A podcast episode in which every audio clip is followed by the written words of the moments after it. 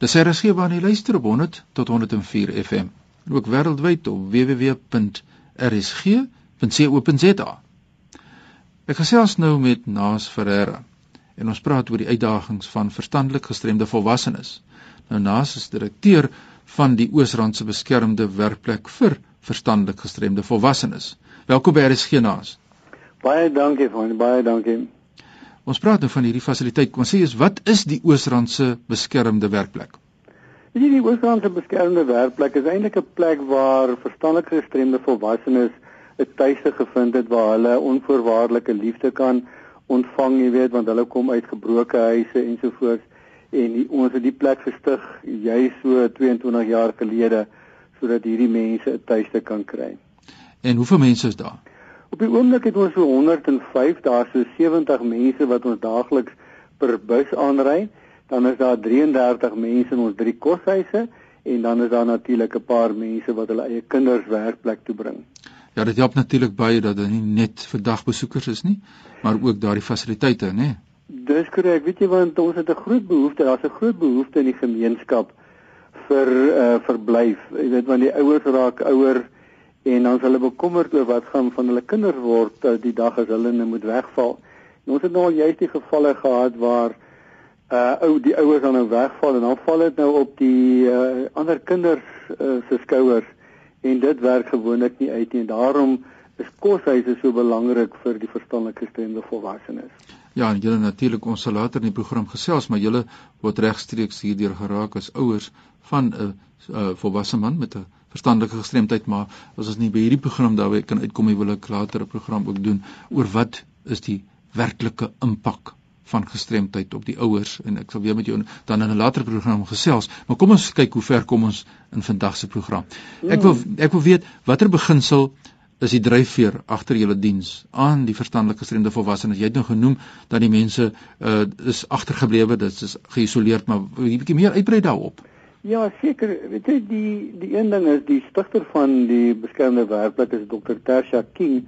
Sy het hier in die 80er jare agtergekom dat daarvan in in Kempton Park veral waar daar die skool Konamor is vir verstandelik gestremde kinders dat die die volwassenes op straat rondloop. En dit sê die plek gestig juis om 'n tuiste te bied vir hierdie mense waar hulle dan op 'n bekostigbare manier hier kan bly en hier kan uh deur die dag versorg word. En die groot beginsel daagter is dat ons hulle onvoorwaardelike liefde gee.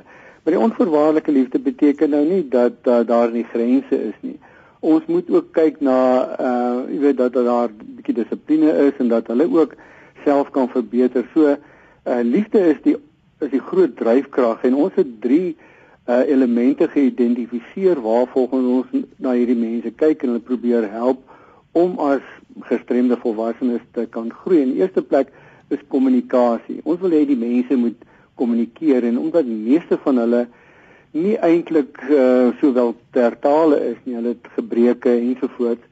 Ek uh, gebeur baie keer dat daar uh, wanpersepsie is en wankommunikasie en misverstande en dan lei dit tot konflik. So ons help hulle om met mekaar te praat as daar konflik is en dit is ons ander punt hoe om konflik te hanteer sê ons vir die mense praat met mekaar. Sê wat jy voel en luister na die ander ene. En dan is hierdie mense ook vol verhoudings. Hulle hou daarvan om verhoudings te, te hê soos enige ander mens. En uh maar van hulle uh val van die een na die ander verhouding sommer so maklik. En gelukkig is daar 'n paar wat aan die voorbeeld stel om lang verhoudings te hê. Maar die belangrike is is dat hierdie mense moet leer om ook die in die ander een se skoene te wees. Jy weet want die mense se verstandelike vermoëns is die van kinders tussen 3 en 8. Dit is wat hulle meestal hier by ons is. En so hulle is baie egosentries. En deur op hierdie drie uh, elemente te fokus, help ons hulle om ook na die ander en die hulle self in die ander een se skoen te, te plaas sodat hulle dan nou ook kan uh, die die konflik en die kommunikasie en die verhoudings kan verbeter. So dit is eintlik waaroor dit vir ons dan gaan by die werkplek. Ja, dit is Naas Ferreira wat so lekker met ons gesels. Hy is direkteur van die Oosrandse beskermde werkplek vir verstandelike oor verstandelik gestremde volwassenes. Ja, verstandelik ja. Naas, ek wil graag net by jou hoor Jy het nog genoem hierdie uitdagings wat julle het en wat die dryfveer is, maar wat is in praktyk vir julle moeilik?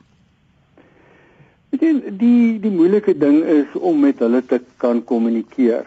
Uh veral op 'n rasionele vlak. Ons sê ek sê hulle vir hulle verstandelike vermoëns is die van kinders tussen 3 en 8 jaar. Nou dit is eintlik 'n pre-rasioneel. So hulle werk met emosies en hulle word gou kwaad en uh, hulle gooi hulle tantrums om dit nou maar so te stel. En dan om vir hulle te oortuig van 'n van 'n sekere optrede om hulle te leer hoe om met mekaar te kommunikeer soos ek reeds genoem het. Maar ehm um, by normale mense kom daar ook maar uh misverstande ensovoorts voor en hulle is ook maar baie egosentries. Maar wat ons dan nou ons groot uitdaging is om vir hierdie mense verantwoordelikhede te leer. Want ehm um, dit is die een ding wat ehm um, hulle kan nie die oorsaak en gevolg so lekker bymekaar uitbring nie. So baie keer gebeur dit dat en vra maar hoekom het jy dit gedoen? Dan weet hy nie. Ek kan sê nee, ek weet nie. Dit het net gebeur. Of uh sê maar as jy hierdie ding doen dan gaan dit gebeur.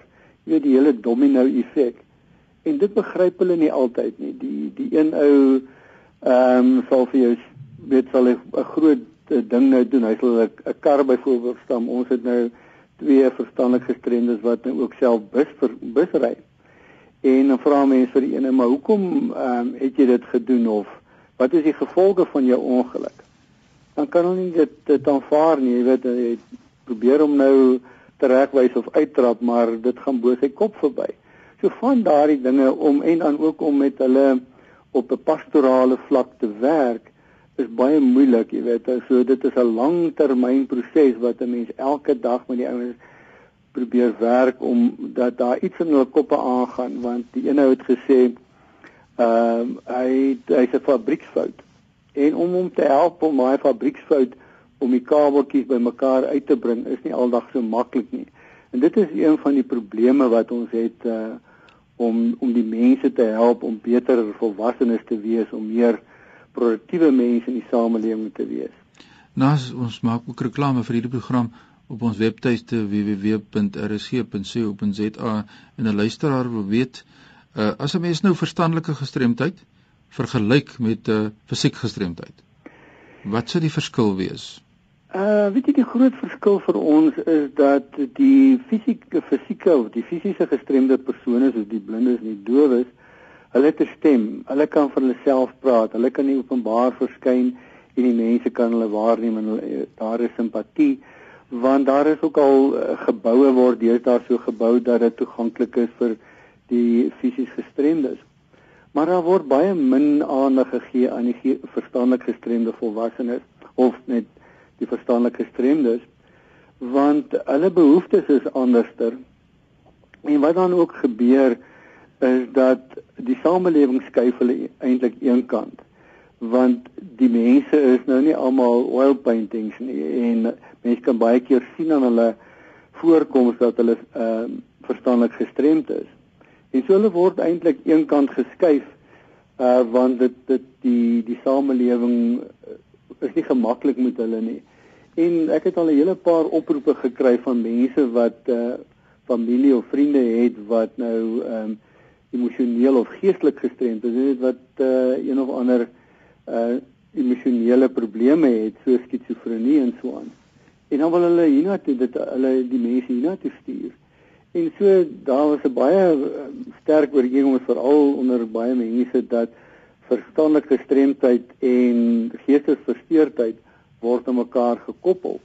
En om daardie wanpersepsie uh, uit mekaar uh, uit die weg te ruim is nie aldag so maklik nie. Ja. En dit is eintlik die ding vir ons die groot verskil dat die mense ook moet bewus wees dat hierdie mense is kinders uh in volwasse liggame Ja. En uh, en dit is vir my die groot verskil. Ja, en ook die mense wil graag erkenning hê, wil graag soos 'n mens behandel word ten spyte van wat met hulle gebeur het en dit is 'n groot uitdaging.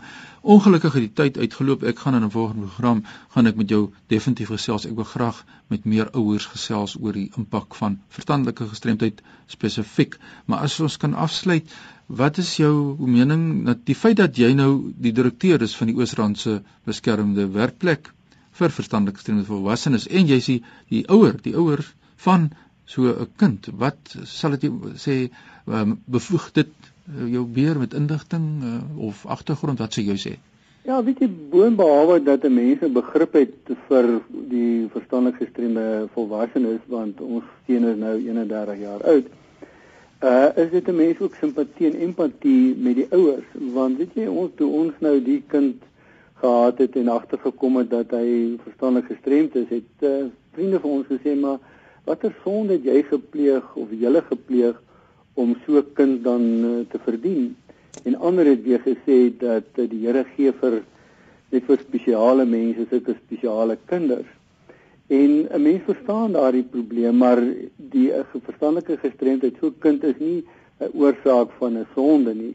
En uh, ek moet vir jou sê as 'n ouer voel 'n ou baie min spesiaal veral wanneer hierdie kind op 'n 4, 5 jarige vlak aanhoudend ja. en aanhoudend met 'n mens werk en ja. en so daarom het uh, weet het ek ook dan en ek en my vrou het simpatie en empatie met ouers en met die gestremdes ook. Ja, dis baie interessant.